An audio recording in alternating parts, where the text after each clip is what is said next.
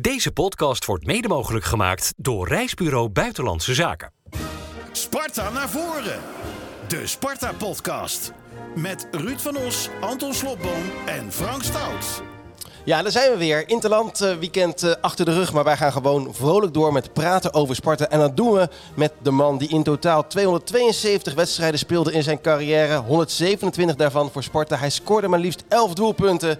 En ook de naamdrager van een eigen gebakje, het Nieuwendaaltje. Oftewel, Steve Nieuwendaal. Ja, dankjewel. Uh, ga ik jou al meteen corrigeren. Want dit komt van je eigen LinkedIn-pagina. Ja, maar dan heb je, niet goed, je hebt je niet goed gelezen. We hebben een partnership met de Keukenkampioen-divisie afgesloten. En dat zijn het aantal wedstrijden in de Keukenkampioen-divisie. Daar komen er nog. Ja, net, alsof, net alsof, je, alsof je heel veel Europese wedstrijden hebt gespeeld. Daar komen er nog 49 bij van uh, Willem II in de Eredivisie. Dus ook nog boven de 300. Zo. Zo. Maar ja. Ook nog wat gele kaarten, maar die hebben. Ja, uh, even ja. kijken, 53. Ja, in de eerste divisie. Ja, en vier keer, en vier keer rood en je zegt ze waren allemaal terecht. In de eerste divisie. Ja, achteraf is alles terecht. Ja. Hoe is het? Ja, gaat goed. Ja, je bent niet echt veranderd. Nee, nee ja, de haren zijn niet gaan groeien in één keer. Dus, nee. uh, dus dat is gebleven. En ik probeer ook nog wel een beetje fit te blijven. Dus wat dat betreft, uh, nee, ik denk dat er weinig, uh, weinig gaat veranderen door de jaren heen, hooguit wat rimpels. En je volgt Sparta nog steeds? Ja, ja voor zover ik dat, uh, dat kan zeker. probeer af en toe ook nog wel een wedstrijdje mee te pakken. Ik heb nu wat meer contact bij Sparta aan, aan de kantoorkant natuurlijk dan aan de voetbalkant. Maar wel, ja, ik probeer wel altijd even te kijken wat ze gemaakt hebben en even de doelpunten en de samenvatting te kijken. Ja. Als jullie aan Steve Nieuwendaal denken, in zijn tijd uh, bij Sparta. Waar denken jullie dan aan? Ja, daar kan hij niks aan doen, maar dat waren wel de Dark Ages. ja, nee, maar... Hartelijk welkom, uh, Steve. Nou ja, nee, maar, nee, maar hij heeft zijn shirts meegenomen, wat ik echt ja. waanzinnig vind. En ik zie twee, twee uh, donkere van Robij die ik mooi vind. Ja. Maar dit staat voor mij symbool, dit shirt. Laat even zien, Ruud. Van, ja, toen ging ik niet zo best. Het is uh, voor de mensen die nu aan het luisteren zijn, dat doen ook heel veel mensen. Het is een, uh, een shirt met Europroducts erop als hoofdsponsor, maar een eigen merk. als kledingmerk. Dit staat voor mij symbool als toen ging het niet zo goed nee. met ons. Nee, je ziet ook, er is het nieuwsbericht op onze eigen site van jouw komst. En daarin staat uh, Steve Nieuwendaal, Sidney Smelts en Gijs Luierink, versterker Sparta.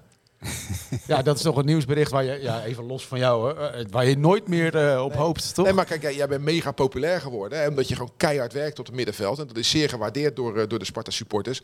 Je was alleen uh, op het verkeerde moment op de verkeerde plaats. Had jij dat nu gedaan, had je nu 23 geweest, bij wijze van spreken. Ja. Dan had jouw voetbalcarrière er denk ik heel anders uitgezien. Maar daar kan jij niks aan doen.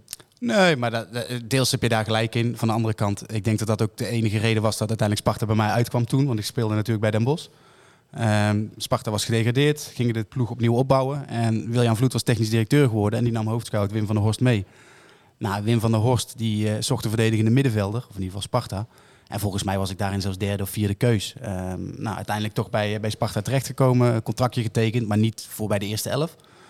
Ja, en uiteindelijk na een half jaar uh, uh, eigenlijk mijn contract al verlengd en opengebroken. En ja, mega gewaardeerd binnen de club. Dus zo kan het ook lopen. Om even terug te komen op uh, hoe jij opent. Nee, absoluut. Het waren verschrikkelijke jaren. En uh, uh, achteraf is het natuurlijk allemaal hartstikke mooi om, om meegemaakt te hebben. Dat is ook zo. Alleen als jij in die tunnel zit, dat je wil presteren. Je wil met Sparta naar de eredivisie. Ja, en je loopt tegen dat soort dompers aan. Dat je zelfs op de verjaardag thuis van Telstar verliest. Weet je wel, ja, dan word je daar niet heel vrolijk van. Nee. En het shirt wat jij net, net andere shirt wat je nog hebt liggen van, van Robij. Ja, je refereerde er voor het gesprek al aan. Maar dat is dus inderdaad het, het shirt waarmee we verloren uit ja. bij Roda. Ja, dat is ook uh, is het, de grootste teleurstelling. Dekman uh, shirt. Nou ja, ja. Ik, ik, noem dat meer de Pellets-wedstrijd.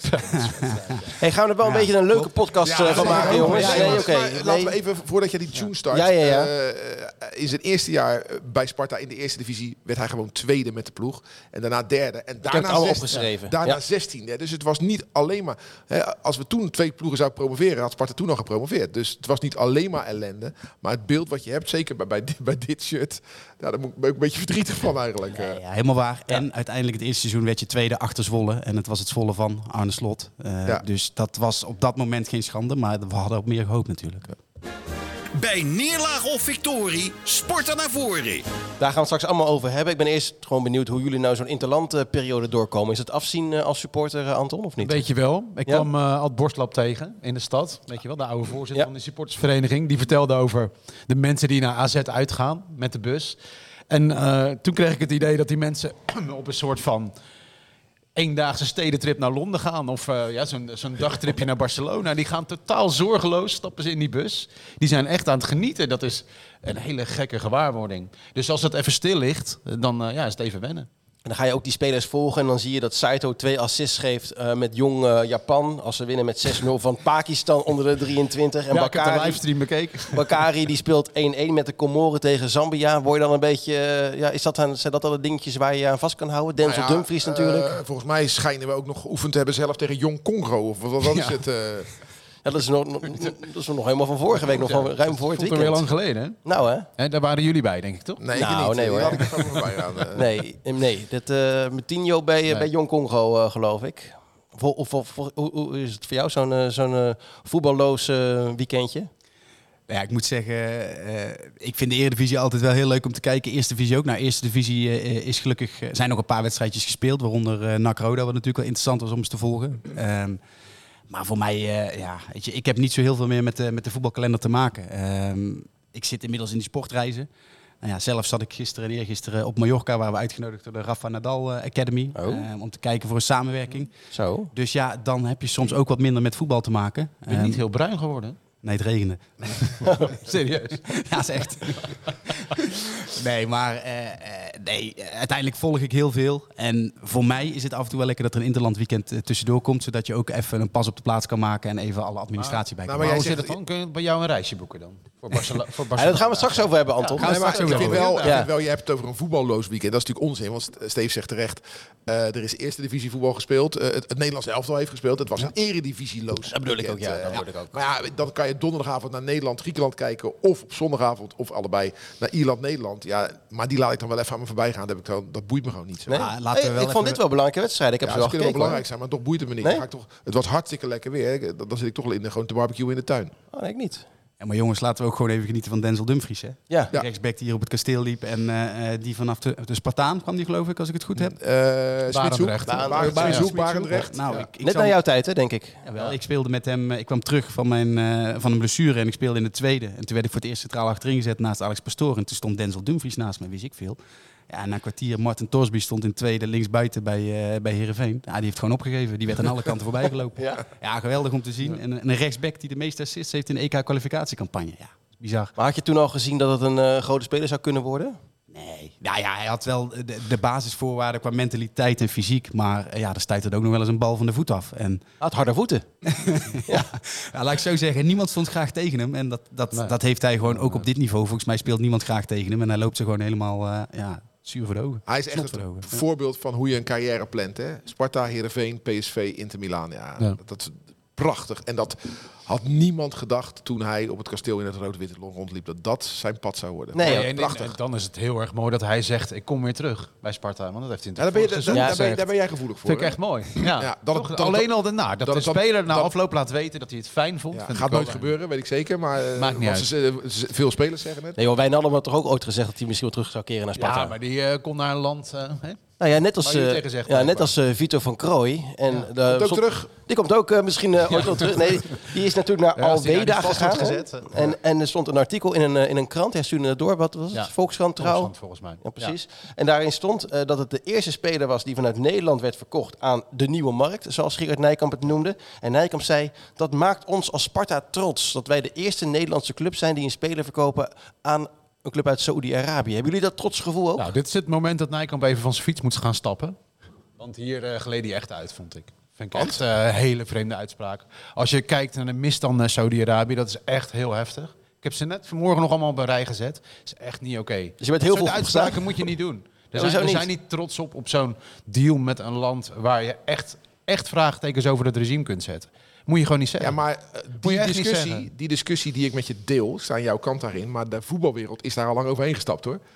Ja, maar Want, waarom eh, eh, moeten wij dat dan ook doen? Ze omdat wij een onderdeel zijn, niet wij, maar de Sparta een onderdeel van de voetbalwereld is. Kijk, ik denk dat Nijkamp gebeld is. Die heeft daar niet over nagedacht. Ik hoop dat het geen Sparta-beleid is dat we trots zijn op deals met Saudi-Arabië. Maar stel, je kan eh, Vito van Krooi, ik weet niet, hè, het gerucht gaat dat hij voor 3 miljoen is verkocht. Lijkt me sterk, maar goed, stel dat, dat, dat dat zo is. Zou je dan als supporter ook niet liever willen dat je 3 miljoen van een club uit Saudi-Arabië krijgt, dan bij wijze van spreken 3 ton van een club uit de Tweede Bundesliga? Nou ja, er is toch gewoon een heel groot gat tussen eh, zeggen dat je ergens heel trots op bent en het geld vangen. Ik vind het gewoon een gekke uitspraak. Dus eigenlijk had hij moeten zeggen, joh, we hebben hem verkocht eh, aan een club uit eh, Saudi-Arabië. We zijn er niet trots op, maar we hebben er wel gruwelijk veel geld voor gekregen. nou, dat zou lekker zijn. Ja. Ja? Gewoon zo. Maar die, sowieso, waarom weten we niet hoeveel geld het is opgeleverd? Want al die bedragen van de Saudi-Arabische transfers zijn bekend. Er stond naast het artikel een hele lange lijst met spelers. Er stonden allemaal bedragen bij. Ja, maar dat zijn niet door clubs bekendgemaakt. Dat zijn allemaal aannames van journalisten. Zou jij ooit naar eh, de zandbak eh, gaan als je nog eh, voetballer was geweest en je kon daar heel veel geld verdienen? Nee, voor mij... eh, Nee? Nee, nee. Ik, eh, en dat klinkt heel eh, naïef misschien, maar ik heb daar niks te zoeken. En daar bedoel ik mee, ehm, ik vind het prima hier in Nederland zoals alles geregeld is. Prima naar mijn zin gehad. Als ik ooit naar het buitenland had willen gaan, dan was dat na Sparta geweest. Nou, toen speelden andere dingen een rol in de privésituatie. Maar dan was ik liever eh, naar een Scandinavië, naar een Engeland lagere divisie, Duitsland lagere divisie. Gewoon om dat te ervaren, die mentaliteit, die passie.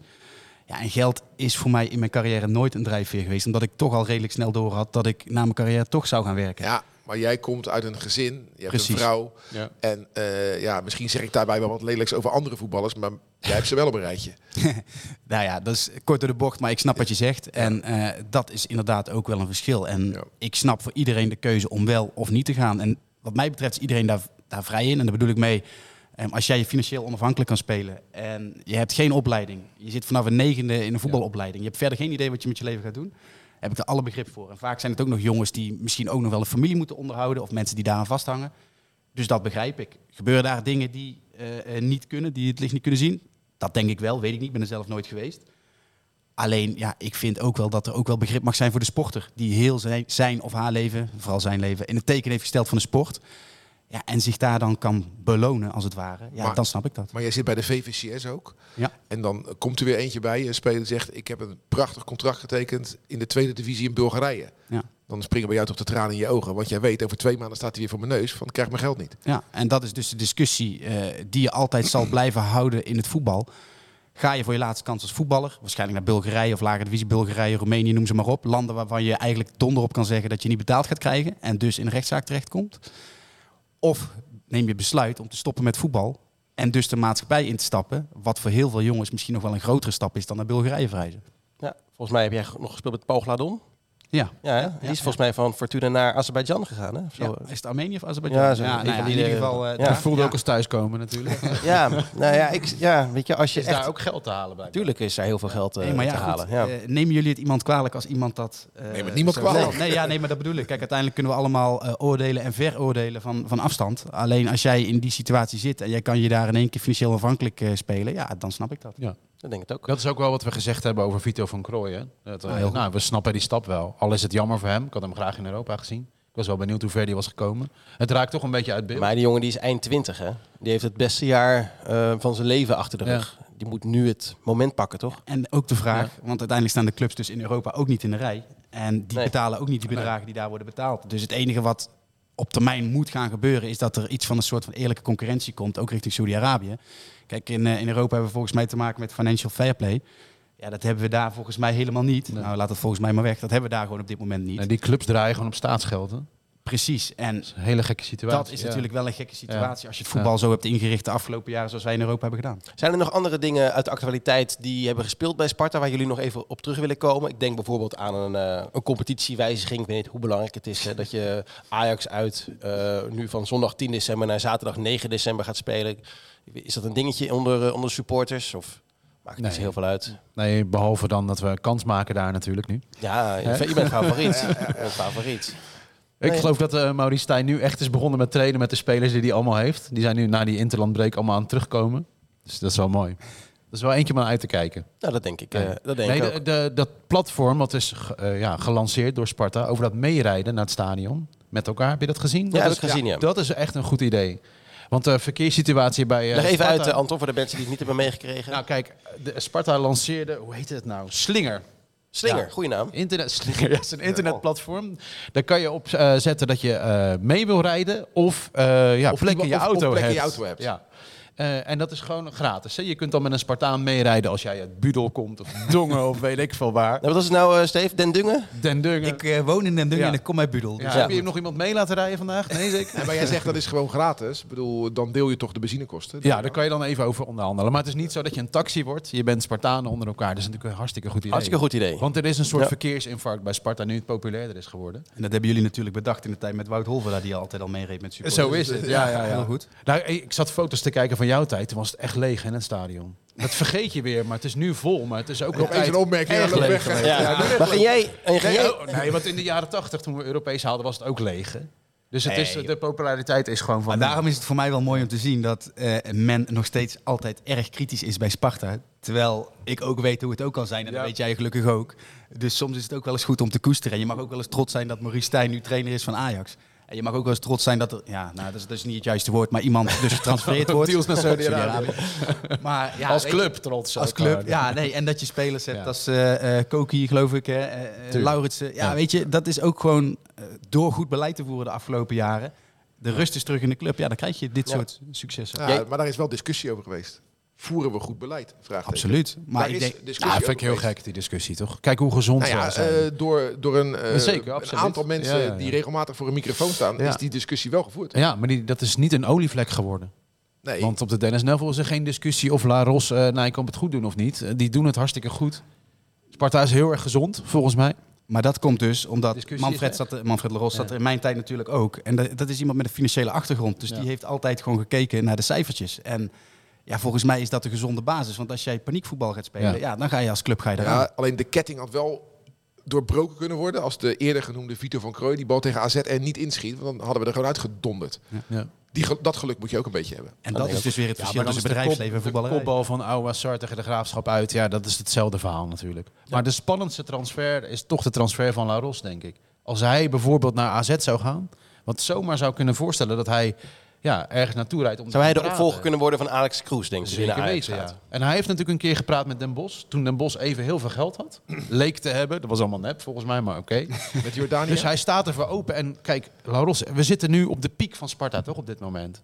Het, kan, het gaat niet nog beter. Nou, waarom gaat- niet? Ja, ja, wat is dan nog beter? Dat we echt nou, stabiel vierde worden. eh, als we, zolang we nog niet iedere jaar kampioen worden, kan het nog steeds beter. Dat zou kunnen. Maar we hebben niet de garantie dat we daar blijven staan, toch? In de je sport hebt, je heb hebt je het zelf ook een In de incident. sport heb je geen enkele Ja, garantie. wat, wat een goede Ik kan graadmeter me is. voorstellen dat AZ belt dat hij er Kan je zeggen. Steve? Nee, dat een goede graadmeter over het algemeen de begrotingen eh, Ja. zijn en de spelersbegrotingen van de clubs. En dan presteer je gewoon boven je kunnen als ik zo bij, bij Ja. Sparta kijk. Want dan hoort Utrecht gewoon op plek 4 te staan standaard. Maar ja, dat is dus ook een voorbeeld dat als je iets minder beleid voert of het valt even Ja. niet goed, dat het dus ook de andere kant op Nee, gaat. maar eh, Ja. voor mij mag Manfred nog eh, jaren blijven. Maar als hij weggaat, eh, niemand is groter dan de club. Dan komt er een nieuwe Manfred. Ja, daar hoop je dan op. Ja. Ja. Hey, Steve, jij luistert die podcast geregeld, hè, dit? Dan weet je ook dat er een Spartaan van de week is. Ook al is hij niet gevoetbald. De Spartaan van de week. Ik wil hem eigenlijk bij jou iets breder trekken. Kijk, jullie hebben hem niet, denk ik. Hè, van Ja, ik heb er wel een. Maar... Oh, nou ja, nee, nee, Ja. goed. Nee, dan gaan we eerst naar jullie, want bij Steve wil ik het b- breder trekken richting eh, het verleden. En dan gaan we lekker doorpraten over jouw eh, eh, tijd bij Sparta. Wat, wat heb jij dan? Martin de Roon. Eerste Interland goal. En Ja. dan, ja, wat ik dan grappig vind. Dat hij dan zegt, de jacht eh, op Van Persie is geopend. ja. dan heb je gevoel voor humor. Dan heb je gevoel voor verhoudingen. En eh goede gozer. Altijd prettig mee kunnen samenwerken bij Van Rijnmond met hem. En Ja. Komt hij nog terug? Heeft hij nooit gezegd, hè? Ja, die heeft daar zo'n mooi leven. Ik ben eh, bij hem Ja. thuis geweest in, eh, in Bergamo toen hij net zijn eh, eerste kindje had gekregen. Kleine Evi. Die, is denk ik nu al een- ook een jaartje of vier, vijf inmiddels. Ja, het is echt gewoon, die heeft daar zo'n mooi leven. Die spreekt vloeiend Italiaans. Die geniet van het leven daar. Dus maar het houdt ook hier op bij Bergamo. Ja, maar dan kan je nog daar wel lekker verder leven. Nou, dat denk ik niet. Ik denk niet dat je dan eh, als voetballer daar blijft wonen. Denk ik. Oh, ik denk het wel in zijn geval. Ben benieuwd. Eh, hij luistert wel eens, dus eh, misschien dat we nog een berichtje van hem krijgen. Anton, jouw Spartaan van de week? Het was een beetje een Spartaloze week voor mij. Hè, Je hoeft er niet iemand te noemen. Maar eh, Pietje de Vries die ik tegenkwam. Dat is mijn Spartaan van de week. Bij het boodschappen doen? Nee, eh, voor de laatste wedstrijd. Voor NSC, voor het hoofdgebouw. Die stond zo te glimmen. Je had het over genieten, Spartanen genieten. We zijn, eh, we zijn heel goed bezig, je moet trots zijn. Pieter Vries, die natuurlijk landskampioen werd in 59. Het gaat weer goed met hem na corona. Hij was er bij, bijna niet meer. Nou, dat is mijn Sparta van de week. Oké, heel goed. Hey, Ruud, als jij nu toch de grote baas bent, zorg nog even voor wat eh, schermen. Ja, want die jongens zit zitten zo in de, in de eh, zon hier. Dus eh, laten we dat even op het Nou ja, puntje zetten. Ik, ik hoor net dat uh, Steve niet bruin genoeg geworden is in Mallorca, dus dat regelen wij gewoon. Ja, geen zon gezien op Mallorca. Nee, zo is het. Eh wees jou, eh nou, Spartaan van de Week is misschien een beetje lastig, maar ik ben gewoon heel erg benieuwd aan welke Spartaan, of in jouw geval Spartanen, eh, heb jij nou, bewaar je de warmste gevoelens?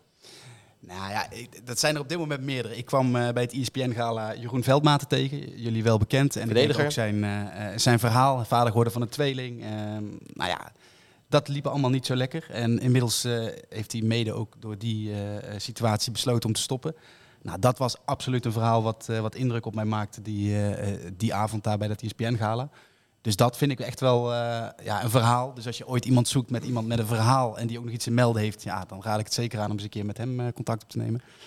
Maar wat mij ook eh, heel erg bij Sparta is bijgebleven, Sparta is een club met een, ja, warme achterban, maar ook warme mensen. En als ik nu nog terugkom bij Sparta op kantoor, dan zitten daar nog veelal dezelfde mensen. En je wordt daar altijd hartelijk ontvangen. En ook op het moment dat ik vader werd, kreeg ik gewoon even een kleine Sparta-piet opgestuurd met een kaart. Weet je wel. Ja, dat zijn kleine dingen. En die maken Sparta tot een, een geweldige club. Maar hoe En- verhoudt zich dat tot, de, tot Den Bosch en RKC en Willem II? Want daar heb je ook gezeten. Sterker die- nog, je hebt bij RKC gewerkt nadat je... doen, doen, doen Ja. die dat dan niet? Nou, RKC doet dat eh, wel, maar daar ben ik natuurlijk ook nog eh, eh, redelijk eh, eh, nou, recent pas vertrokken. Ehm, maar bij Sparta is dat net even wat meer. En dat is gewoon een gevoel. En dat hebben meerdere oud-Spartanen. Je wordt daar gewoon altijd heel correct behandeld. En nou ja, dat is eigenlijk mijn Spartaan van de week. Zijn de mensen achter de schermen die zorgen dat die club toch altijd doordraait. En of dat het nou commercie of horeca of events is of noem het allemaal maar op. Of, of ticketing. Die mensen staan altijd klaar voor die club. En of dat ze nou een play-off wedstrijd op donderdagavond spelen om 9 uur. Of ze moeten op zondagmiddag er zijn. Ze zijn er altijd. En dat zijn beroepen en, en mensen die heel vaak onderschat worden. En die eigenlijk nooit op de voorgrond staan. Maar er wel voor zorgen dat zo'n club draait. Nou, het mooie is, toen wij met de strafschoppen van Utrecht wonnen, dat was dus halffinale play-offs, dan moet je dus een paar dagen later eh, thuis tegen Twente spelen. Ja, als je dan, eh, ik liep toen het kantoor binnen en eh, ja, je, je was blij en wil wat, wat high fives, eh, weet je wel, eh, en misschien kunnen we wel een borreltje drinken samen. Ja, de raderen draaiden daar Ja. volle toeren. En inderdaad, dan, dan zeggen een aantal mensen wat daar zit dan, van ja, dit wordt gewoon nachtwerk. Ja. Alle aanvragen, die kwamen toen in, in een, Ja. in een scheet in de zucht, kwamen er duizend mails binnen Ja. met aanvragen voor kaarten en zo. Ja. En dus wat jij zegt is wel herkenbaar. Hè? Het, het- het- het draait daar altijd en eh, ja, dat is mooi. Ja, zeker. We kennen allemaal dat verhaal eh, dat na de degradatie Kevin Stroopman met tranen in zijn ogen daar op het kantoor binnenkwam van jongens, sorry, sorry, eh, we, hebben het, eh, ja, ja, we hebben er niks aan, eh, aan kunnen doen uiteindelijk. Jij hebt vijf keer in jouw carrière play-offs gespeeld om promotie. Twee keer met Den Bosch, drie keer met Sparta. Vijf keer niet Eén keer gepromoveerd. met de RKC nog. Ook nog. Eén wedstrijd. Ja. Oké. Ja, die andere was geschorst. Ehm, toen jij het met Sparta niet haalde, heb je toen ook iets van sorry gezegd? Of, denk, of denk je daar gewoon niet aan? Denk je, joh, met name voor, aan jezelf, wat ook logisch zou kunnen zijn. Nee, maar ehm, onze band was, eh, tenminste mijn band was goed met de mensen op kantoor. Maar dat Misschien kun je nu even sorry zeggen dan. blijf ik sorry zeggen met al die nederlagen. Nee, het is goed. Dat hebben we één keer, eh, één keer gedaan. Nee, ehm, uiteindelijk, eh, eh, die band met die mensen was goed. Ik studeerde toen ook nog, dus ik zat af en toe ook gewoon op kantoor. Wat deed je? Eh, ik deed toen HBO Business Innovation online. En ik heb nog een jaar master gedaan eh, aan de Johan Cruijff in, eh, in Amsterdam. Maar daardoor had ik ook wel eens vraagstukken die ik eh, diende te behandelen bij de club. En dan zat je wel eens met Manfred eh, of met Wiljan toen de tijd. Ja, en dat, dat vond ik gewoon interessant. Dus die band was wel goed. En die mensen wisten ook echt wel dat wij er alles voor deden om resultaten te behalen. Maar ja, face it, we waren ook gewoon niet goed genoeg op dat moment. Nee, je noemde nou de naam van William Vloed. In die tijd had ik heel erg het idee dat op een gegeven moment eh, FC Brabant eh, aan, het, eh, aan het worden was. Jij kwam erbij, Jens van Son, dat soort, dat soort figuren. Had jij dat gevoel ook destijds? Of, Ja, ik snap, ik snap wat je zegt. Ehm, alleen Jens van Zon was toen in de eerste divisie ook gewoon een van de uitblinkers op het middenveld. Dus die transfer was op zich allemaal wel te verklaren. Alleen ja, dat was niet voor iedereen weggelegd om te aarden in Rotterdam.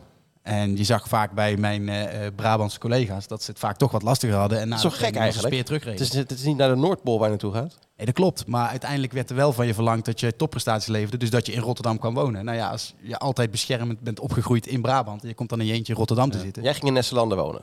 Ik eh, ging in, ja, vanuit de club eh, werd het mogelijk gemaakt dat we daar konden gaan wonen. Dus toen zijn we eigenlijk, ja, mijn vrouw en ik, in Nesselanden gaan wonen. En mijn vrouw heeft een baan gezocht hier in Rotterdam. En die werkt nog steeds in Rotterdam. Ja, dan hoef je ook niet altijd meer naar het zuiden. En op den duur ging ik ook niet meer naar het zuiden, want mijn leven was gewoon hier. Hoe hebben jullie dat ervaren toen destijds? Nou ja, eh, jij zegt de FC Brabant, dat herken ik wel. Dat kwam ook, kijk, eh, als een directeur eh, ook technisch directeur is en uit zijn netwerk mensen naar de club haalt. En ja, als jouw netwerk in Brabant is, dan hou je dus veel Brabanders. Dus het was niet alleen spelers, het was ook achter de schermen.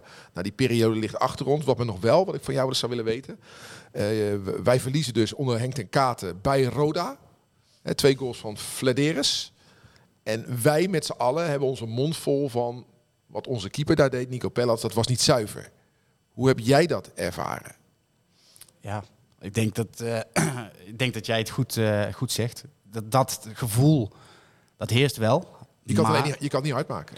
Nou, nou ja, dat. Maar Nico Pellats, jij kent hem ook, is natuurlijk wel een jongen die ook graag in de schijnwerpers wil staan. En op het moment dat die bal wel in die hoek gaat, dan kan hij hem gewoon met een showduik eruit rammelen. En dat, ik heb een beetje de indruk dat dat meer meespeelde dan dat je zegt van nou hij is omgekocht of wat dan ook.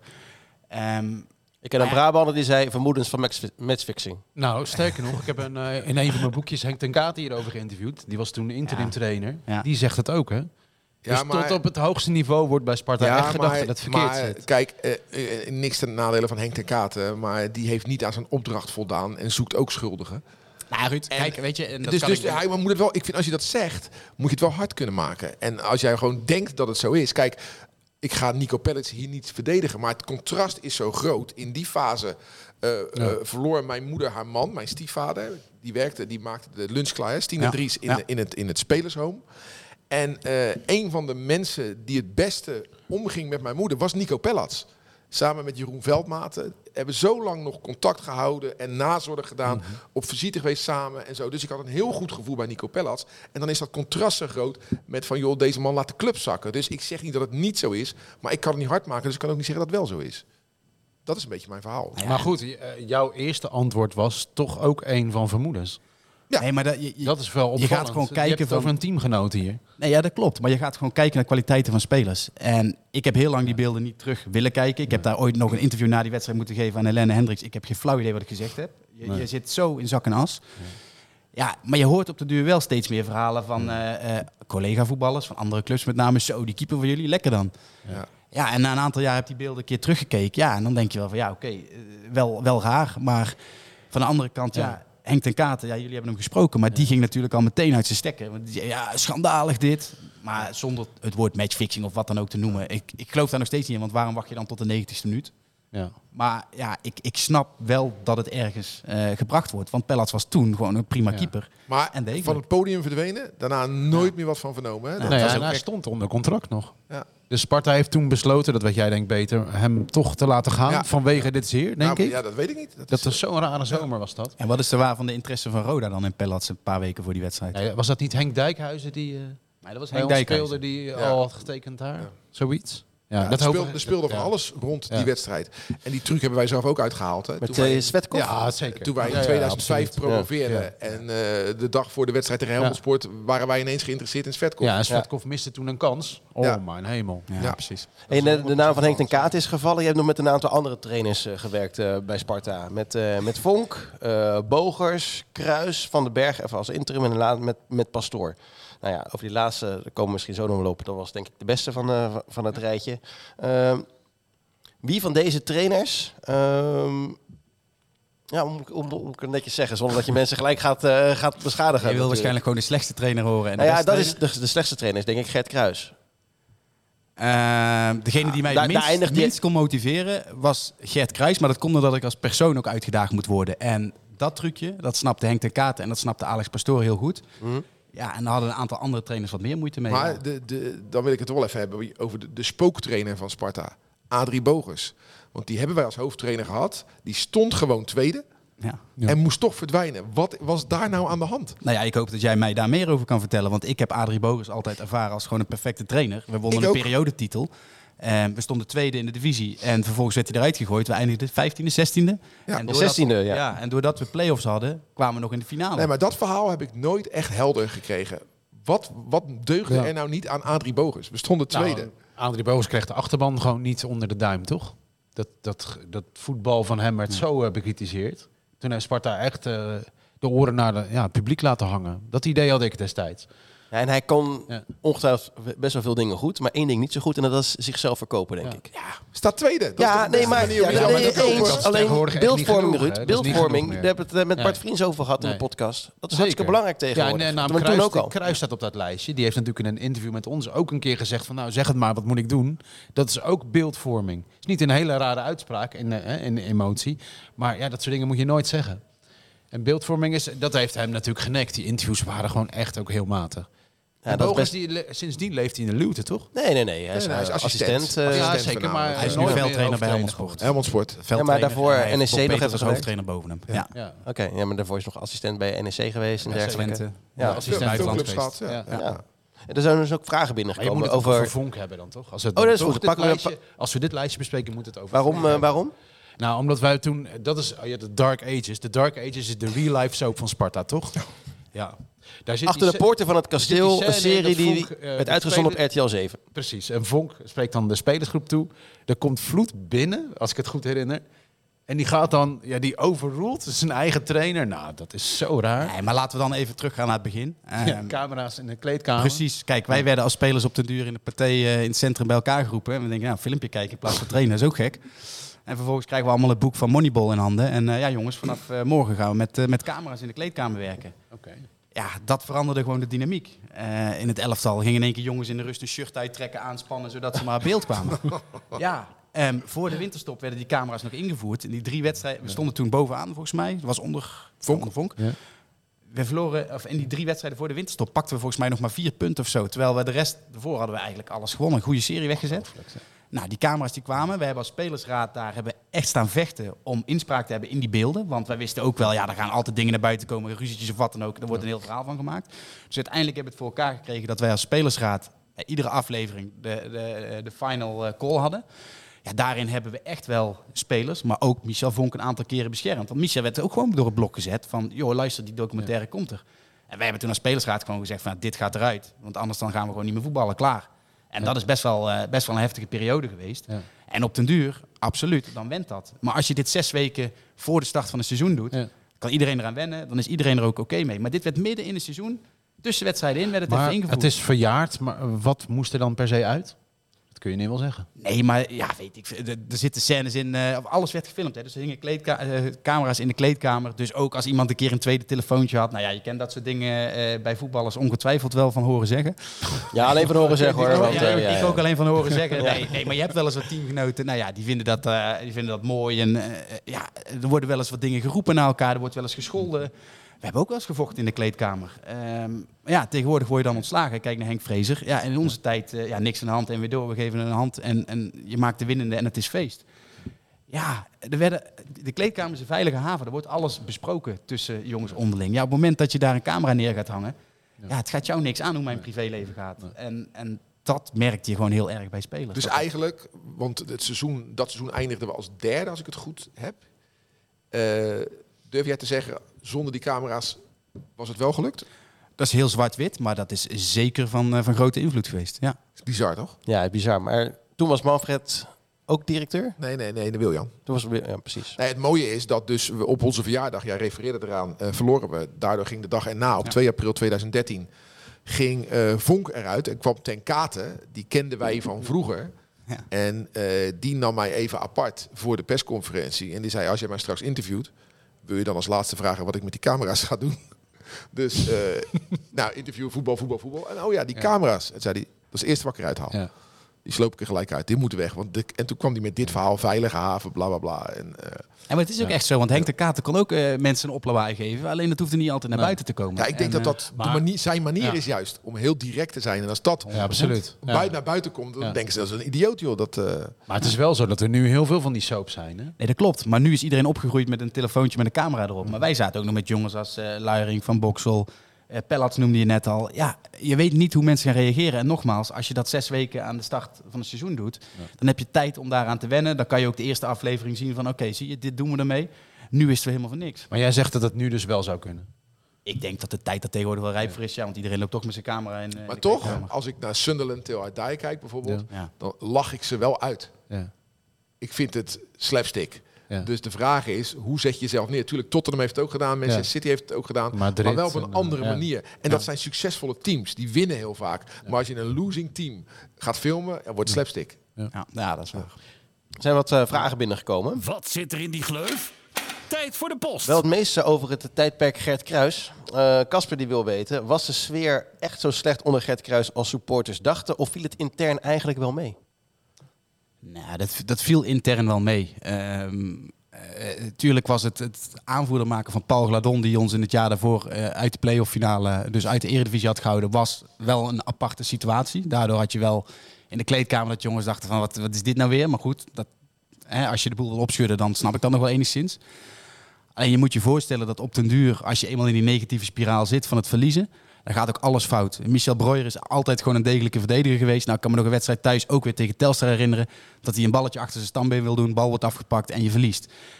Als je eenmaal in die situatie zit, dan is dat gewoon mega moeilijk om te... eh, We verloren elke thuiswedstrijd. We verloren iedere in, in die thuiswedstrijd, tweede ja. seizoen, geloof ik negen thuiswedstrijden, dan verloren we gewoon. Ja. In de eerste divisie. maar dat kwam dus ook omdat die structuur waarmee je dus voor de winterstop als tweede eh, de winterstop die structuur viel helemaal weg, omdat die groep opnieuw werd opgeschud. En ja dat, ja, dat kan goed uitpakken, maar je hebt gezien hoe het dus ook uit kan pakken. Ja.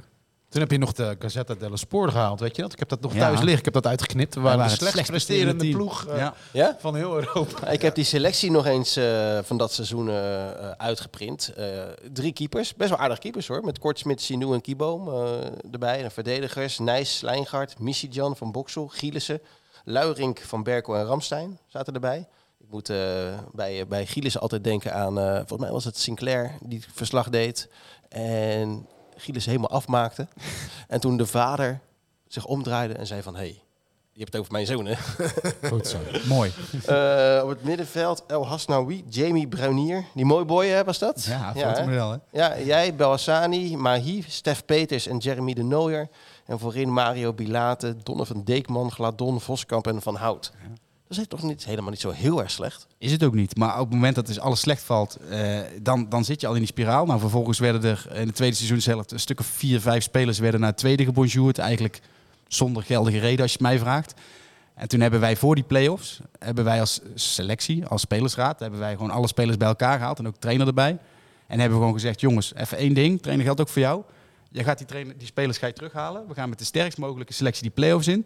En we gaan ons allemaal nog één keer gewoon echt boos maken. En we kijken hoe ver we gaan komen. Maar we gaan niet lopen klootviolen met spelers naar tweede en die al op vakantie sturen en dit en dat. Dat is onze eer te na. Dat En zei de spelersraad tegen zei de de spelersraad, jazeker. Dan, eh, dat is ook wilde westen. Nee, ja, maar ja, goed, als je al 16 keer verloren hebt, of En 15 eh, keer. dan, tegen wie eh, speelden we toen in de play-offs? Wat, wat, wat, wat, waar, waar struikelden we toen? wij struikelden toen in de finale tegen Dordrecht, toen Sinou eh, geblesseerd niet kon spelen in de finale. Dat was de wedstrijd van Kibo. Maar, ja, Dat is met, Ja. die, met die terugspeelbal. Of, eh, Nee, nee, nee, nee, Nee? dat was later. was, eh, was was een weer een andere tegen Dordrecht. dat was een andere. was een ander. was volgens mij een corner van de zijkant. Die liet Kieboom toen los. Kwam Oh een ja. botsing en eh, werd een doelpunt. Ehm, maar ja, toen schakelden we gewoon NEC uit. Hè. Toen wonnen we daar gewoon, wat was het, 1-3 of zo, of iets in die richting. Ja, toen konden we het in één keer wel. Maar dat kwam echt, en dat moet ik die jongens, dat geef ik ze nog steeds een compliment voor als ze zie. Dat kwam echt uit de jongens zelf. En- die sfeer was die tweede helft van het seizoen. Ja, als je 15 keer verliest, die was wel zeg maar naar het nulpunt gedaald. En ja, een aantal jongens waren dus teruggezet naar tweede. Sterker nog, die En wie, waren dat? Wie waren dat? Volgens mij heb je het dan over eh, onder andere Roald van Hout, Stef Peters.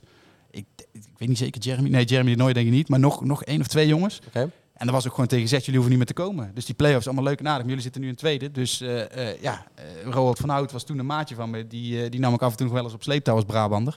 Ja, die had zijn vakantie al geboekt. Die zegt, ja, ik hoef niet meer te komen. Nou ja, de groeten ermee. Ik wil ook niet meer. Zoek het maar uit.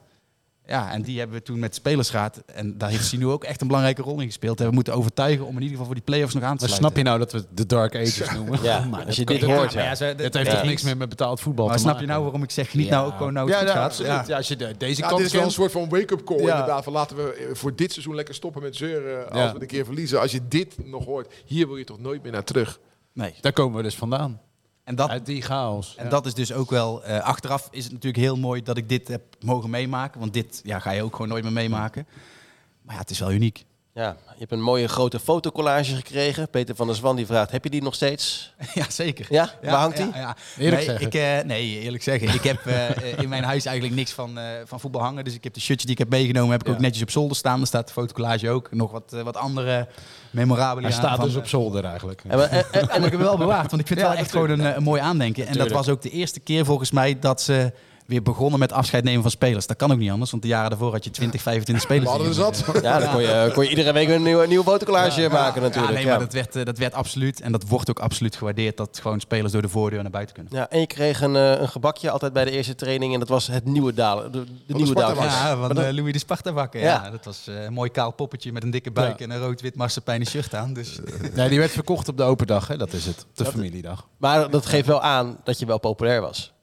En Ja. dat- En dat jij je waarschijnlijk op je gemak voelde. Nee, maar dat, dat was het. Ik, ik voelde me gewaardeerd omdat ik deed waar ik, waar ik goed in was. Nou, dat was gewoon ballen afpakken, hard werken en de bal inleveren bij spelers die, eh, die het verschil konden maken.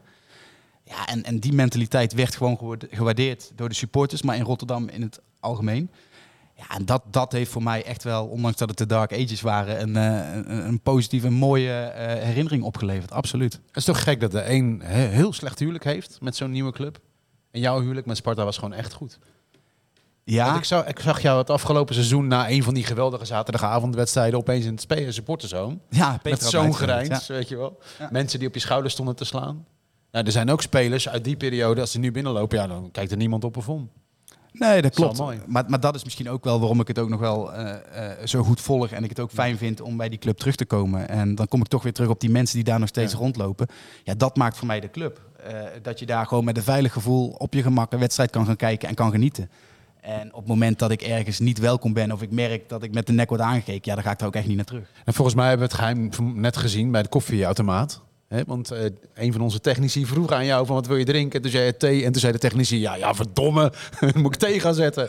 En daar reageerde, ja dat was grappig dat je dat kan hebben, snap je? Want jij kreeg een heel Rotterdamse antwoord. Ja. Maar je verblikte of verbloosde niet. Nee, maar ik- een ander zou denken van mijn hemel, ben ik nou beland? Maar ik vind die Rotterdamse mentaliteit hebben. vind ik ook Ja. gewoon geweldig. Gewoon niet eromheen draaien, gewoon zeggen wat het is. En eh, eh, dan in het geval van Sparta gewoon aan de slag. Is het bij Sparta echt anders dan bij Den Bosch? Ja. Je bent een nieuwe Of bij- speler, of eerste RKC, dag is ja. echt, echt anders. Nou, we zitten hier Dus- toch om, eh, om verhalen te delen. Tuurlijk. Ik, eh, ik kwam bij Sparta aan. En ik moest heel erg wennen aan de dynamiek. We hadden Mario Bilati, Ilias Bellassani. Het zijn toch jongens van de straat. En ik was gewend als jij een foutje maakt bij, eh, bij een rondo, dan ga je in het midden. En dan ga je die bal afpakken, ga je er weer uit. Ja, bij die gasten was het constant discussiëren. Dus ik werd helemaal gek. Dus ik had na twee, drie weken had ik al, al vijf, zes aanvragingen gehad. Ja, en op den duur heb ik gewoon Fons Groenendijk gebeld. Toen trainde bij Den Bosch. Ik zeg, Fons, weet dat jij altijd positief bent over Sparta. Maar wat ik hier meemaak, ja, ik ga er gewoon niet volhouden. Haal me alsjeblieft terug. Hij zei, nou, wacht nou even. Komt goed. Ja, en uiteindelijk ben ik natuurlijk gaan spelen. En met Mario en Ilias een geweldige relatie opgebouwd. Omdat zij, ja, zij kwamen ook net kijken. Zij moesten het vak van profvoetballer ook leren. Ja, dat, dat, die dynamiek om uiteindelijk die jongens weer over te halen. Of over te halen, te leren van, oké, wat is het om prof te zijn? Verantwoordelijkheid te nemen. Ja, dat vond ik wel geweldig. En Mario heeft mij misschien nog wel ooit het mooiste compliment gegeven bij RKC. Hij zegt, Steve, je hebt me toch een partij verrot gescholden in die wedstrijden. Maar ik snap nu dat het niet Mario tegen Steve was. Maar dat het positie nummer 6 tegen positie nummer 9 was. En als ik niet goed afjoeg, dat jij zeg maar, daar de problemen van ondervond. En dat vond ik wel mooi om te horen. Ja, maar je hebt wel gebeld van mag ik weer naar huis? daar, komt het, daar komt het toch op neer. Ja, maar dan eh, even stoom afblazen of echt gaan is een verschil. hè. Ja, als ik kan... eh, Als ik net de intro had gehoord, was ik ook naar huis gegaan. Ja, precies, precies. Eh, al- als ik dan eh, jou aan het googelen ben, dan staat er altijd... Steve Nieuwendaal stopte in 2017 eh, met spelen omdat hij niet meer op kunstgras wilde voetballen. Of niet meer kon voetballen. Was het hoe- hoe- gewoon je knieën kon het niet aan? Had? Nee, onder andere mijn onderrug. Ik heb wel slijtage in mijn onderrug en mijn, mijn grote tenen. En dat kwam echt puur door kunstgras? Of dat versterkt net waarschijnlijk? kunstgras een, eh, een belangrijk onderdeel van. Plus daar kwam bij, ik was een balafpakker. En op een gewoon veld gaat het spel gewoon langzamer. Dus waar ik in een gewone wedstrijd op een gewoon veld 10 tot 15 balonderscheppingen had, had ik dat op kunstgras nog maar twee of drie. Omdat het gewoon, het spel ging veel te snel. Die technische straatvoetballers, ja, die verliezen de bal niet op een vierkante meter. Dus ja, er werd een ander spelsysteem gevraagd. En ehm, daar was ik ook steeds minder voor geschikt. Dus ik merkte ook wel toen Pastoor kwam, ja, een slimme trainer, goede trainer. Ja, die maakte gewoon voor mij een paar doelstellingen van oké, dit is het aantal balveroveringen dat jij moet hebben per wedstrijd. Nou ja, en ik merkte gewoon dat ik daar niet altijd aankwam en dat ging mijzelf in de weg zitten. Ja, en dan ga ik ook nadenken en ik ben wel een denker. En toen wist ik ook gewoon op het moment dat kunstgras de intrede zou doen, ja, was de top van mijn carrière voorbij. Goed verhaal dit. Ja. Eh, Had je dan ook heel veel eh, brandwonden? Want dan ga je, ga je corrigeren, ben je net je te laat. Zet je een sliding in Ja. en dan kan je, je gelijk door naar Beverwijk volgens Ja, respect voor mevrouw hoor, maar die heeft een aantal lakens moeten verschonen. Daar krijgt de paard de hik van. Nee, ja, precies wat jij zegt. Ik vond het verschrikkelijk, echt waar. En ik had gehoopt dat Sparta als traditieclub eh, dat zo lang mogelijk kon uitstellen. Nou, het is redelijk lang uitgesteld. Maar ja, op den duur lag het bij eh, 16 van de 20 clubs in de eerste divisie. Ja, dan, dan is daar voor mij geen eer meer te behalen. En nu hebben we een van de mooiste matten van Nederland. Echt gras. Ja, en dan heb je nog wat geld in het putje gegooid door met dat eh, EK voor dames eh, dat Ja. veld eh, erin te leggen en weer te vervangen. Ja, Ja, ja. Maar, maar dat was wel zeg maar een week op call om te laten zien van hey, als je daar gewoon een goed grasveld in legt. Ja. en nu zie je dus ook als de middelen er zijn om ook nog een goed trainingscomplex neer te leggen. Ja, dan heb je toch een, een perfecte situatie. Ja. Ik, ben, wel- ik ben wel een beetje een kniezoor, Anton. eh, Ja. als, als, als, dan, als ik dan kijk, eh, na, naast, naast de, eh, het, het echte gras ligt kunstgras Oh daar buiten. Ja. Nou, dat vind ik prima, daar heb ik helemaal geen moeite mee. Maar daar komt nu echt gras doorheen. En dat vind ik er niet zo mooi uitzien. Dan denk je, joh, haal die pollen er even tussenuit. Dan ziet het er wat strakker uit. Want die mat is strak. Nou, die rand Mm. eromheen met kunstgras, die kan ook strak zijn. Maar al die pollen doorheen vind ik dan niet Ja, zo maar mooi. ja, maar veld- het is een detail, Ja, dit. nee. Veldonderhoud is een vak, hè? Die mannen en, en vrouwen die dat veld onderhouden bij Sparta, maar ook bij RKC of bij Feyenoord of noem ze maar op. Dat zijn gewoon echt liefhebbers. Ja. En dat zijn mensen die verstand hebben van hun vak. En, en ja, die zijn als eerste wegbezuinigd op het moment dat de kunstgras komt. Want dat kan een wildvreemde ook wel met een tractor eroverheen rijden en even, eh, even een keer sproeien. Maar geloof me, het is echt een vak om een goede mat neer te leggen. En ja, op het moment dat er een goede mat in zo'n stadion ligt, ja, dat is toch genieten. Tenminste, als voetballer, ik, ik vond het geweldig. Kort gemaaid gras, beetje regen, heerlijk. Maar ja, de VVCS houdt toch altijd de, de, de competitie. Hè? Sparta is derde geworden. Achter Ajax en Feyenoord, die gezamenlijk eerste zijn geworden. Sparta derde.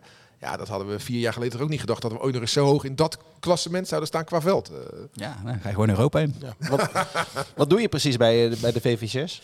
Ik ben eh, eh, nu verbonden als secretaris penningmeester in het bestuur van de VVCS. Dus eh, de dagelijkse leiding is in handen van voorzitter Levchenko en eh, eh, directeur Louis Evraar.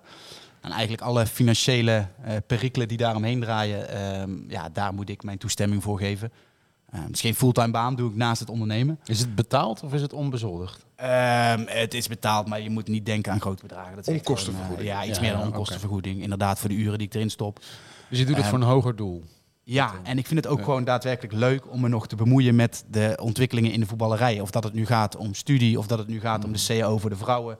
Dat nu gaat om poolreglementen voor de talenten van Sparta die worden weggeplukt. Weet je, dat soort eh, onderwerpen, ja, dat gaat mij aan het hart. En dat is tijdens mijn carrière altijd al wel geweest. Ja, en nu heb ik ook daadwerkelijk de kans om daar een, een verschil in te Maar maken. Denk je dat vrouwen evenveel moeten gaan verdienen als mannen dan? Is dat jullie standpunt? Ik denk dat op termijn het mogelijk moet gaan worden dat eh, vrouwen inderdaad evenveel eh, moeten gaan verdienen als mannen. Alleen op dit moment werk je in de commerciële wereld. En op het moment dat jij een miljoen erin stopt als bedrijf, wil je er ook meer, of in ieder geval het, minimaal het gelijkwaardige uithalen. Ja, en dat is nu niet. Maar laten we eerst eens beginnen om een volwaardige CAO voor de vrouwen af te sluiten, die collectief is. Vervolgens naar 14, 15 contractspelers, want nu is het per club nog maar vier, geloof ik, uit mijn hoofd, voor minimumloon. Ja, dan kan je niet spreken over profvoetbal. En daar moeten we echt wel stappen in maken. eh, zeker in het vrouwenvoetbal. Hoe krachtig is de VVCS als je weet dat er een eredivisie CV is? Als je weet dat als Ajax, PSV of Feyenoord een boer laten iedereen in paniek raakt. Hebben jullie wel power? Eh, ik snap je punt. Eh, maar ja, we hebben eh, zeker ook met de CSR, de Centrale Spelersraad vanuit de VVCS, heb je gewoon inspraak eh, en ook daadwerkelijk stemrecht in de belangrijkste beslissingen. Dus je hebt power. Alleen ja, het is wel gewoon een gegeven dat Ajax, PSV en Feyenoord, eh, gezien de grootte, altijd eh, het voortouw zullen nemen en proberen hun wil door te De drukken. dienst uitmaken. Ja. Ja, Tot alleen frustratie van Robert Eenhoorn bij AZ. Nee, ja, precies. Ja, maar daar ligt dus ook een uitdaging voor de andere clubs. Van ja, ga je nog accepteren in de toekomst dat drie clubs voor jou bepalen wat je wel of wat je niet mag? En is de huidige profvoetballer is die, ehm, anders dan in de tijd dat jij nog eh, op het hoogste niveau eh, speelde? Merk je dat eh, bij de VVCS? Ja, anders. Niet per se minder slecht of wat dan ook. Nee, anders. Ik merk nu, en volgens mij heeft Bart Vriends dat in, in de vorige podcast ook aangegeven. Spelers zijn veel meer individueel bezig om zichzelf te verbeteren. Of dat nu gaat om krachttraining, mentale training, noem het maar op. Ehm, buiten het voetbal om wordt er veel meer gedaan. Toen ik begon als profvoetballer bij Willem II, zaten we om één uur met z'n allen te kaarten op het terras. En eh namen een uitsmijtertje. En dat was de werkdag. Ja, dat is nu niet meer, gelukkig.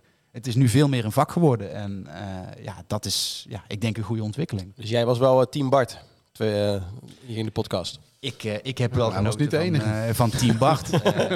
En ik, had, eh, ik heb, ik heb net al heel kort even, groot, ja. nee, maar ik heb het al kort met, met Ruud erover gehad. Maar ehm, ik denk dat wij op dit moment in een tijdperk zijn dat wij geen voetballers meer opleiden, maar mensen opleiden. En de beste sporters hebben vaak ook op mentaal vlak, worden vaak ook op mentaal vlak uitgedaagd. Dus ik snap Bart helemaal dat er meer is in het leven dan alleen voetbal. Want eh, dan kijken we even terug naar mijn tijd. Als je 15 keer verliest en je hebt totaal geen afleiding en voetbal is alles waar je voor leeft, nou dan heb je Ja, een ja, heel zwaar leven. Ehm, en ik kan dus ook echt waarderen dat spelers eh, in dit geval ook bezig zijn met hun carrière na het voetbal, of misschien al wel tijdens het voetbal. Want ja, ik krijg nog steeds, ook in mijn rol als VVCS-spelers aan de lijn, die in de, de- in de 30 zijn, gaan stoppen, maar nog nooit iets anders hebben gedaan dan voetbal. Maar de discussie ging natuurlijk ook niet of dat... Nee. wel ging over. Lowlands, het ging, inderdaad. Het ging over Ja. Lowlands twee dagen voor een wedstrijd. Daar ging het over. Klopt, maar dan zal ik jou vertellen, ik ging... eh, Jij was er ook. Nee, gelukkig niet. Nee, maar Is het het, het onderwerp dat bij Lowlands gesproken eh, werd, eh, besproken werd, ging natuurlijk over mentaal, ja, ook en ook over mentale gesteldheid, ook voor Ja. voetballers, kwam natuurlijk ook voorbij. Ehm, maar ik ging in mijn tijd bij Sparta eh, op maandagavond en op woensdagavond eh, reed ik van Rotterdam naar Amsterdam om daar college te volgen. En die wedstrijd was ook altijd op vrijdagavond. Ja, ik kan je eerlijk vertellen dat ik mijn beste wedstrijd heb gespeeld op het moment dat ik rond de tentamenperiode zat, want dan had ik lekker veel aan mijn hoofd. Dus ik denk ook dat dat voor iedere voetballer en voor iedere persoon anders is. Je hebt nu twee bedrijven, hè? Eh, yes Consultancy Ja. en Sparenti Voetbalreizen. We zitten de hele tijd met die, met die balletjes in, eh, in onze Ja, hand. stressballetjes. Mooi. Zes Kijk uit op balletjes. tv maar, hè? Sparenti staat voor sportarrangementen en tickets. Eh, is dat, ben je daar meer mee bezig dan met Yes Consultancy? Ja, ja Yes Consultancy is eigenlijk eh, meer de holding die ik heb gebruikt om, om te, kunnen, te kunnen gaan opstarten. Eh, met Sparenti eh, eh, hebben we ons gericht op sportreizen, met name voetbalreizen. Waarheen? Ehm, eigenlijk heel Europa. Dus eh, dat kan, eh, nou ja, om een voorbeeldje te geven. We zijn met de businessclub van Excelsior bijvoorbeeld naar Spanje-Schotland geweest eh, vorig jaar, 80 man. Ehm, dan hebben we gewoon een heel programma aangekleed. En met de businessclub 80 man? 80 businessclub Zo. Maar ook met Sparta. En daarom vind ik die Nou. link met Sparta ook nog steeds geweldig. De businessclub van Sparta. zijn we afgelopen jaar naar Bayern München, Paris Saint-Germain geweest. Nou, en zodoende ken ik dus inderdaad ook die sponsoren van Sparta. En weet ik hoe betrokken ze zijn bij de club. En ook die mensen daaromheen. Ja, dat was gewoon geweldig. En daar hebben we gewoon een programma georganiseerd. Opgehaald met de Bayernbus. eh, hotel, eten, drinken. Ouderwetse bierkelder erbij met halve liters en een paar eh, braadworsten. Wat mij dan, zo'n wedstrijd als bij Bayern- Bayern München, Paris Saint-Germain, daar wil heel de wereld naartoe. Met hoeveel mensen ging je? We gingen met uiteindelijk 47 man. Ja. Hoe kom jij aan 47 kaarten? Ja, en dat is een beetje het geheim van de Smit. En mijn compagnon, die is tien jaar geleden begonnen als, als eenpittertje. Eh, in mijn tijd bij RKC mee, eh, mee in contact gekomen omdat we iets moesten wegzetten voor 0 euro. En eh, zo zijn we het eigenlijk verder gaan opbouwen. En anderhalf jaar geleden hebben we samen gezegd, we gaan wat meer richting de groepen toe. Ja, en hij heeft aan de achterkant veel, veel netwerk zitten met tickets. Ik inmiddels ook, omdat je toch vaak met mensen schakelt. Of bij clubs of officiële resellers. Ja, en soms moet je ook wel eens een ondernemersrisicootje nemen. En dat kan goed gaan, dat kan ook wel eens slecht uitpakken. Maar eh, ja, dat is ook, eh, ook de kunst. Want als iedereen het kon, dan was het ook niet meer. eh, niet En als je het eh, nou omdraait, gaan er nu al reizen naar Sparta toe? Zit, zit je al Nee, want bus uit uh, nee, België want bij... eh, seizoenkaarten bij Sparta zijn uitverkocht, heb ja. ik gehoord. Ja, maar er, er zijn altijd businesskaarten over Nee, bij Sparta, klopt. toch? Nee, er is plek. Nou, volgens mij niet. Nee hoor. Sparta heeft een internationale site, die is een beetje verstopt. Maar eh, als jij toerist bent, kun je echt nog kaarten kopen. Hoor. Die zijn er echt nog. Je betaalt de hoofdprijs, maar je kunt volgens mij gewoon nog het kasteel in. Ja, dat klopt. Nou ja, uiteindelijk is het gewoon heel simpel. Je kan altijd, als je maar heel veel geld biedt, een, een wedstrijd bezoeken. Alleen wij hebben wel, eh, met Sparenti doen we wel echt gewoon de officiële ticketing. Dus dat houdt in dat wij eh, rechtstreeks schakelen. Kaarten het liefst gewoon op naam hebben staan. eh, zodat je daar nooit gezeur mee hebt. Want wij komen toch vaak met, als je met zo'n groep komt met een businessclub. Ja, als er eentje geweigerd wordt, sta je wel voor schut. En Eh, dan ja. gaat je reputatie eraan. Ja, Ehm, dus dat doen we. En daarnaast hebben we ook gewoon de, de vader, zoonvader, dochter die eh, eh, de losse tripjes willen maken. Ja, dat doen we ook. dus ook. dat, eh, En wat is nou eventjes voor ons... Even een adviesje. Wij Ja. gaan met z'n drieën Ja. een tripje maken. Ja, wij zijn, wij zijn, wij, wij zijn wel andere personen. Wij zijn andere personen. Waarom? Maar, Nou, ik ga ook met mijn zoon, ben ik ook naar Manchester United Ga, geweest. jij wil Ja, niet met z'n dus, eh, drieën dus? Nee, oh, heel graag. Maar Als ik, maar geen Feyenoord is, vind ik, het goed. Ik, ik hou heel erg van, eh, van Oostblok bijvoorbeeld. Vind ik geweldig. Lekker van de bier zon. drinken. Jij houdt van, jij houdt van de zon. En Ruud houdt zo te zien ook van de zon. Ja, ik hoor in ieder geval wel, je moet wel drie eenpersoonskamers hebben, anders gaat het mis. Maar ehm, ik, eh, ik kan Celtic Rangers iedereen wel, eh, wel aanbevelen. Ja, maar dat, Ja, dat weet iedereen. zon. Dat weet Nee, iedereen. ja, oké, maar eh, als je echt... De, de mooiste wedstrijd die ik heb meegemaakt Celtic Rangers. En op tweede plaats Betis tegen Sevilla. Jij staat... Kijk, ja, de kijk. sports van, van Betis, ja, die staan bekend als de, de bekendste, of als de beruchtste in, eh, in Spanje, in positieve zin. Ja, als je naar Betis Sevilla kan, eh, dan eh, zou ik dat zeker aanraden. Ja, dat is wel goed. S'avonds om tien uur vaak, weet je wel, is nog bloedheet. Ja, dan, ben, wij- dan- wij dan ben je al lam. Ja. Ja, ja, ja, top. En je hebt daar ook eh, de Sev- Sevillaanse feestweek heb je daar. Nou ja, dan eh, kan ik wel aanraden om daar een keer naartoe te gaan hoor. Ja. Ben je iets aan het boeken nu voor de businessclub van Sparta? Wij Is zijn, eh, we zijn nu met, eh, met Sparta hebben een hele, hele mooie trip die we gaan wegzetten. Alleen eh, dan moet Sparta eerst nog even zelf eh, gaan communiceren. Dus, Ja. is dat die je trip waar, de, waar we een live podcast gaan maken, toch? Dat zou wel goed zijn. Dat zou wel. Nou, als jullie de trip Ja. nou gewoon sponsoren, dat eens een keer omdraaien. Gaan wij sponsoren? Ja, wij hebben zelf nog niet eens. Ja, we, je publieke nee, we hebben nu buiten-? Nou, we hebben nu een, een, voetbal- een, een reisbureau als, als sponsor. Dus als je nu luistert, dan hoor je aan de voorkant. ja. eh, ik heb het gehoord, inderdaad. Nou ja, maar ja, Dus. daarom. Dus het geld klotst hier tegen de plinten. Dus misschien kunnen we een keer omdraaien. Nou, eh, kan je rekenen? Reken er maar niet op. De businessclub van Sparta. Nou, Lazio Oh, sorry. Feyenoord in de Champions League. Ja, precies. Moet wel veilig zijn. gaan er twee mee. Hey, ga naar, eh, we gaan even voorspellen. De glazen bol. Want het is eh, zondag gewoon eh, AZ Sparta. Jij gaat niet mee, Anton? Zei je net al? Nee, ik ga naar het honkballen kijken. hè. Rotterdam staat totaal in het teken van het honkbal. Ja, het leeft echt enorm. Ja. Laten we niet overdrijven. er worden drie interlands gespeeld. Vrijdag, zaterdag, Ja. zondag, Nederland, Tsjechië. Ter Eh, voorbereiding op het EK. Didi Gregorius van de Yankees. Hij doet mee. Voormalig Yankees. Voormalig Yankee. 999 hits heeft hij in de MLB. Dus niet niks. Er is echt wel wat te zien. Er is een home run derby. Nou, en je hebt Het is zondag... de vervanger van nu we, World toch, Tour nu we toch bezig zijn. We, we hebben zondag ook gewoon top padel in de stad. Henegouwerplein. Speel jij? Eh ik speel niet, maar ik ga wel kijken. Is dat naar. dat stadion met al die... eh, hallo, hallo, heren. heren, heren, gesloten, heren. ja. Het is gewoon AZ Sparta toch? Maar eh, nou, daar wil ik inderdaad naartoe, ja. Het is, podcast wijkt af in één keer, hoor. het begint ineens over honkbal. Padel en honkbal. Een honkbal? Nee. Een geweldige wedstrijd. Wat gaat het worden? Een geweldige wedstrijd. Ehm Denk mogen je? jullie eerst zeggen? Nee, ik sta onderaan. Ik ga als laatst. En ik leid ook de podcast. Ik denk dat we winnen. Zo. Ik denk dat we swingend winnen met 0-2. Eerste doelpunt Saito, van? maakt de Saito. eerste. Ruud? Lastig, lastig. Moeilijk. 1-0 verliezen, helaas. Pavlidis. Ik denk ook dat, Geen Mijnans, dat scheelt. ja, ik denk ook dat Sparta daar, eh, daar gaat verliezen. Eh 2-0. En dan zeg ik wel Mijnans. Speciaal voor jou. Wil- Wil je meedoen, eh, Steven? maar mag Van- je dan juichen of niet? Dat is de vraag. Tuurlijk mag hij juichen. Mag hij juichen? I don't give a Wat- shit. Nee, toch? Eh, Bescheiden juichen dan. Steve, mag, die, mag zo'n jongen juichen? Natuurlijk. Als, Ja, het, als het puur is, mag het, toch? Ja, Ja. toch.